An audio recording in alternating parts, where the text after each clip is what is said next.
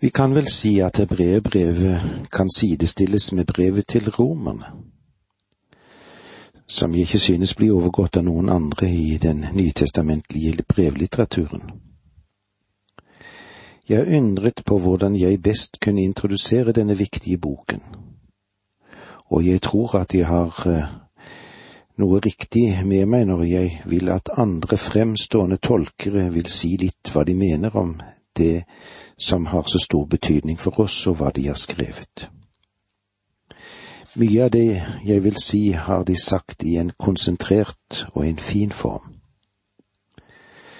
La meg aller først få lov til å sitere G. Campbell Morgan, Guds siste ord til mennesket. Det han sier da om hebreerbrevet. Brevet til Hebreen har en spesiell verdi i dag fordi det finnes mange forståelser av Kristus i dagens verden som ligger betydelig lavere enn slik Det nye testamentet vurderer ham. For å illustrere dette, la meg sitere en forfatter. Noe av det beste vi kan si om menneskets natur, er dette at når en situasjon dukker opp som bare kan løses av et enkelt individ, som gir sitt liv for sine venner. Ja, så dukker det frem en helteskikkelse, før eller senere tilbyr seg selv som offer, en Kurtius som springer fra klippen, en Sokrates som drikker giftbegeret, en Kristus som blir korsfestet, korsfestet på Golgata. Jeg vil ikke diskutere dette særlig mye, men si med en gang å plassere Kristus inn i den sammenheng er ikke stort bedre enn blasfemi. Vi kan tale med, res med respekt om en Kurtius, en Sokrates, men når vi taler om Kristus, så er ikke bare vår henvisning til ham lite i pakt med Det nye testamentet, men det innebærer en motsigelse av Det nye testamentets vitner angående det enestående i hans person. Dette er en veldig begynnelse på hebreerbrevet. William Pettingill i boken Inn i det helligste, enkle studier i hebreerbrevet, har en annen vinkling i sine åpningsord. Fra Adam til Moses gjennom 2500 år og fra Moses til Malakai gjennom 1100 år talte profetene om for Gud til mennesket. Men eh, ved slutten av en epoke på 3600 år var deres åpenbaringer av Gud bare fragmentarisk. Men så, etter en taus periode på 400 år, da tidens fylde kom, sendte Gud sin sønn, og i den sønn har åpenbaringen av Gud nådd sin fullkommenhet. La oss ta med enda et veldig utsagn. Møt så Erik Schuler, som i åpningsboken sin studier i brevet til hebreerbrevet sier det på denne måten. Hebreerbrevet er en av de viktigste bøkene i Det nye testamentet, fordi den inneholder noe av hovedlæresetningen i den kristne tro, og det er også en bok som er opphøyd logikk og stor skjønnhet. Å lese den er som å puste inn himmelsk luft. Å studere den er å ha del i de sterke åndelige retter. Å bli i dens undervisning er å bli ført fra umodenhet til modenhet når det gjelder kunnskap om kristens sannhet, og ikke bare kristens sannhet, men for kunnskap om Kristus selv. Det er å gå frem mot fullkommenheten. Og så skriver han videre tema i hebreerbrevet, den eneste bok i Det nye testamentet der Herren blir fremstilt som øverste prest, er Kristi herlighet, Han som er Guds sønn og menneskesønn. Dette er veldig. La oss ta med en siste henvisning, nemlig fra Robert Andersons bok, Hebreerbrevet i lys av forbildene og jeg håper at når vi går gjennom dette brevet, at eh, vi der skal være i stand til å få understreke hvilke overbevisende det er, det som han understreker når han sier det på denne måten. At den bekjennende kirke på jorden er det sanne vintreet. Det er en dristig og pålitelig løgn, løgn som markerer et frafall. Skriftens undervisning er klar og bestemt. Kristus selv er vintreet, og Israel er oliventreet. For Gud har ikke forkastet sitt folk som han fordum kjente. Dette brevet til, hebreerne ble i lang tid ikke akseptert av Vestens kirker, og grunnen finnes på dette punkt. Menigheten ønsket å ta den plassen som Israel tidligere hadde hatt. De tilpasset alle Guds løfter gitt til Israel, de åndeliggjorde dem, tilpasset dem til seg selv og avsvekket Guds hensikt med folket Israel. Som et resultat av det vil du se at kirker i de tidligere tider meget raskt faktisk ble antisemittisk, og de begynte å forfølge jødene. Derfor å si at Gud er ferdig med Israel, det er en fadese og jeg tror at dette brevet kan gi oss noe hjelp til forståelse av den store sannheten at en hebreer er en hebreer, og når han blir en kristen, så er han fremdeles en hebreer. Når et menneske blir et Guds barn, forandrer det ikke vedkommendes nasjonalitet i det hele tatt, men det fører dem inn i et nytt legeme. Legeme av de troende, det vi kaller for kirken. I dag kaller Gud ut både jøder og hedninger som et folk for sitt navn. Når det målet er nådd, vil Gud hente sin menighet ut av verden, og han vil sluttføre sin målsetting med israelsfolket. Han vil fullbyrde alle sine løfter til dem og gjennom dem til hedningeverden på den dag. Jeg står i gjeld til disse tolkerne som vi nå har vært innom i av Guds ord, og flere med dem og for den hjelp de har gitt oss og gi oss en plattform for en trygg ferd gjennom ordet. Så gjelder det da forfatteren av hebreerbrevet. Det har alltid vært vanskelige spørsmål, dette. Visse eldre oversettelser har denne overskriften, Apostelen Paulus, brev til hebreerne, men ingen nyere oversettelse angir Paulus som forfatter og ingen annen forfatter oppgis heller, og i vår bibel står det bare brev til hebreerne. Er du noe kjent med litteraturen angående skrifter og skrifters oppkomst, så er du klar over at det er ingen enhetlig oppfatning av hvem som er forfatter av brevet. Men både Paulus og Apollos har stått i fremste rekke. Ser vi dette litt på avstand, så er den menneskelige forfatteren egentlig uviktig, det er ikke så vesentlig. Det viktige er at dette brevet til hebreerne er en del av Guds inspirerte ord, og det er der vi har å holde oss til. Selv om det ikke kan fastslås at Paulus er forfatter, så finnes det mange ansatser som kan tyde på at han kan det ha vært.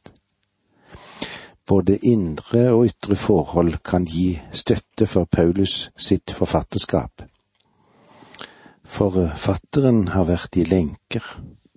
La oss se i Hebreerbrevet 10.34. Dere led med dem som satt i fengsel, og fant dere med glede i at det, det dere eide ble røvet fra dere. Dere visste jo at dere eier noe som er bedre og som varer. Han skrev fra Italia. La oss se det som står i det trettende kapitlet i vers 24. Hils alle deres ledere og alle de hellige. Brødrene fra Italia sender dere sin hilsen. Hans medarbeider Timotius, som vi òg ser i vers 23. Dere skal vite at vår bror Timotius er løslatt. Hvis han kommer snart, skal jeg besøke dere sammen med ham. Og når vi ser på selve skriftstilen, så er den paulinsk. Og eh, det kan nok finnes tegn på at Peter identifiserer Paulus som forfatteren. Det kan vi se i 2. Peter 3, 15 og 16. Og når Herren i sitt tålmod ryker med å komme, så skal dere se det som en mulighet til frelse. Det samme har jo også vår kjære bror Paulus skrevet til dere ut fra den visdom som er gitt ham. Om dette taler han også til alle de brev hvor han kommer inn på disse spørsmål. Det er noen ting der som er vanskelig å forstå, og de ukyndige og usikre fordreier dette. Det samme gjør de også med de andre skriftene. Det blir deres egen undergang. Ja, det var det vi hadde nå til introduksjon i første del av hebreerbrevet. Og det var så langt vi kom i dag. Takk for nå, må Gud være med deg. Dette undervisningsprogrammet består av to deler. Åge Nevland fortsetter nå med andre del av dagens undervisning. Vi er inne i introduksjonen av hebreerbrevet, dette viktige skrift som vi nå skal dele med hverandre, og hvor godt det er òg å se litt på hvem som har skrevet dette, hvis vi kan se på forfatteren. Og vanskelig er det, det står jo bare brevet til hebreerne. Det er noen som kanskje antyder at det kan være Paulus, og det var vi innom sist når vi var sammen. Jeg tror at det kan finnes gode og dekkende årsaker til at Paulus forandret sin stil og ikke oppga sitt navn i dette brevet. Noe av dette vil jeg gjøre oppmerksom på når vi går igjennom brevbrevet, men jeg fastholder vi vet ikke hvem som egentlig har forfattet hebreerbrevet. Det som er viktig, iallfall for oss alle sammen, er at dette er et budskap fra Herren Jesus til oss. Det er Guds inspirerte ord vi har foran oss. Så har vi dateringen av dette brevet. Det er særlig viktig på grunn av forfatterspørsmålet. Mange lærde, også sunne konservative ledere, er av den oppfatning at det er skrevet etter år 70. Og det er noen som antyder at år 85 etter Kristus, men eh, det er noen som går så langt som til år 96. Men etter min mening så tvinges du når du leser brevet til å trekke konklusjonen at tempelet fremdeles sto i Jerusalem da dette brevet ble skrevet. Hvis det er slik, så må det ha blitt skrevet før 70. Siden Titus, romeren, han ødela tempelet i år 70. Og hvis det er nå slik at det skulle være Paulus som var forfatteren, så var han allerede henrettet ved dette tidspunktet. Jeg mener altså at brevet ble skrevet før år 70, og jeg synes ikke at det kan legges helt til side at Paulus kan ha vært forfatteren. Så har vi temaet, da. Coleridge sa at romerbrevet åpenbar nødvendigheten av kristen tro men at hebreerbrevet åpenbarer overlegenheten i den kristne tro. Denne tanken som løper gjennom hele brevet, blir uttrykt ved den sterke bruken av ordet bedre, som forekommer 13 ganger. Hebreerbrevet forteller oss at loven var god, men at nåden under Kristus er bedre, og at den herlighet som venter oss, blir den beste. Hebreerbrevet presenterer oss for det som er bedre. Ordet fullkommen møter vi femten ganger og lignende ord. Det er et brev som utfordrer oss. Uttrykket la oss, det forekommer 18 ganger. Og det er særlig to vers som åpner for oss denne bedre vei Hebreerbrevet 3.1. Derfor, brødre, dere hellige som har fått del i det himmelske kall, se på den utsending og øverste prest som vi bekjenner, Jesus. Vi skal se på ham. Og i Hebrevet 12.3 så leser vi denne utfordringen. Ja, tenk på ham som holdt ut en slik motstand fra syndere, så dere ikke blir trette trette og motløse. Det er nøyaktig det vi akter å gjøre når vi gransker hebreerbrevet. Vi skal se på ham og tenke på ham. og jeg er overbevist om at det er det viktigste noen kristen kan gjøre. Se på ham, tenke på ham. Hvis vi ser litt på innholdet, så må vi få lov å si det på denne måten Kristus bedre enn Det gamle testamentets husholdning. Det vil vi finne i kapitlene én til ti. Her eh, vil vi vel si at det er den læremessige delen. Altså seks punkter her. Kristus står over profetene. Kristus står over englene. Første faresignal fristelse til å drive. Kristus står over Moses. Her har vi òg et faresignal fristelse til å tvile. Kristus står over Josva. Kristus står over det levittiske prestedømmet. Her har vi et tredje faresignal. Fristelsen til å bli sløv i å høre. Vi har òg et fjerde faresignal. Fristelsen til å vike av. Kristus som vår øverste prest tjener oss i en bedre helligdom ved en bedre pakt bygget på bedre løfter. Vi har nok et faresignal. Fristelsen til å forakte. Del to av dette brevet kan vi kanskje sette opp som denne overskrift.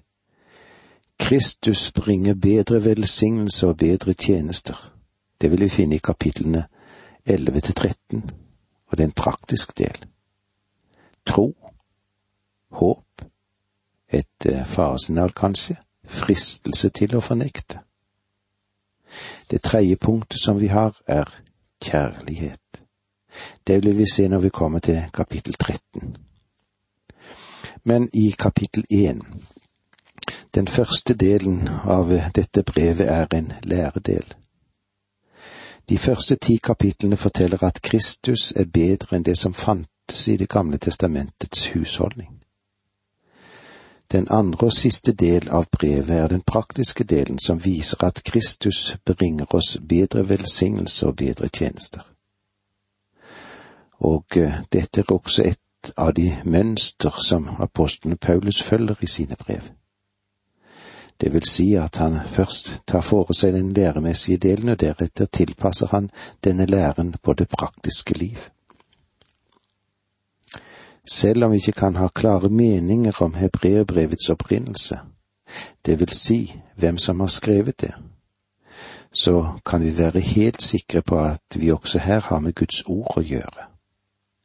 Det som Guds ånd har gitt oss fordi Den hellige ånd har hatt noe å gjøre med skapelsen av dette brevet, så blir forfatteren og dateringen, ja, det blir mindre viktig for oss.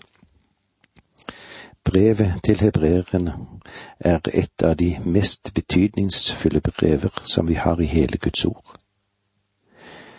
Det er ikke noe å komme bare med fromt prat her når jeg sier at jeg føler meg ikke verdig og heller ikke dyktig nok til å behandle dette store skriftet. Og derfor er det grunn til at jeg har latt andre komme frem, noen verdenskjente bibeltolkere. Det er de som har introdusert dette brevet. Fra fire forskjellige synsvinkler så vi at alle kom frem til det ene punktet det var å understreke Jesu Kristi person og derfor tar jeg dette løftet fra den Herre Jesus da han sa at når Guds ånd kom, så ville han ta det som hører Kristus til, og vise oss det. I Johannes 16, 12-15 leser vi slik. Ennå har jeg mye å si dere, men dere kan ikke bære det nå. Men når Han kommer, sannhetens ånd, skal Han veilede dere til den fulle sannhet for han skal ikke tale ut fra seg selv, men si det han hører, og kunngjøre dere det som skal komme. Han skal forherlige meg, for han skal ta av det som er mitt, og forkynne det for dere. Alt det Faderen har er mitt. Derfor sa jeg at han skal ta av det som er mitt, og forkynne det for dere. Vi må ha det klart for oss at dette brevet rettet mot de troende hebreerne som sto midt i skjæringspunktet for to store systemskifter, om vi kan si det på den måten. Lovens epoke var kommet til sin slutt. De ofrene som ble frembåret i tempelet og som en gang hadde vært meningsfylte, hadde nå ingen mening. Det Gud en gang hadde krevd, var nå faktisk synd for en troen å praktisere. Noe denne epistelen vil ta for seg. Brevet til hebreerne er rettet til kristne jøder. Selv om dette brevet har noe å si som er aktuelt for den troende til enhver tid og innenfor enhver folkegruppe. Og det er klart nødvendig for oss, det er nødvendig for deg, og det er nødvendig for meg å forstå dette brevet i dag. Men eh, vi må holde det klart for oss at det var skrevet til troende jøder. For eksempel det å si at Kristus står over profetene, vil, han, vil gi han et helt spesielt forhold overfor hebreerne. Kristus står over profetene. La oss lese vers 1 i kapittel 1. Mange ganger og på mange måter har Gud i fordums tid talt til fedrene gjennom profetene. Du vil legge merke til at dette verset og i denne boken står ordet Gud helt sentralt. Det er visse premisser som denne boken hviler på. Når du studerer visse fagområder, så er det noe viktig å tenke på hva er grunnlaget for dette.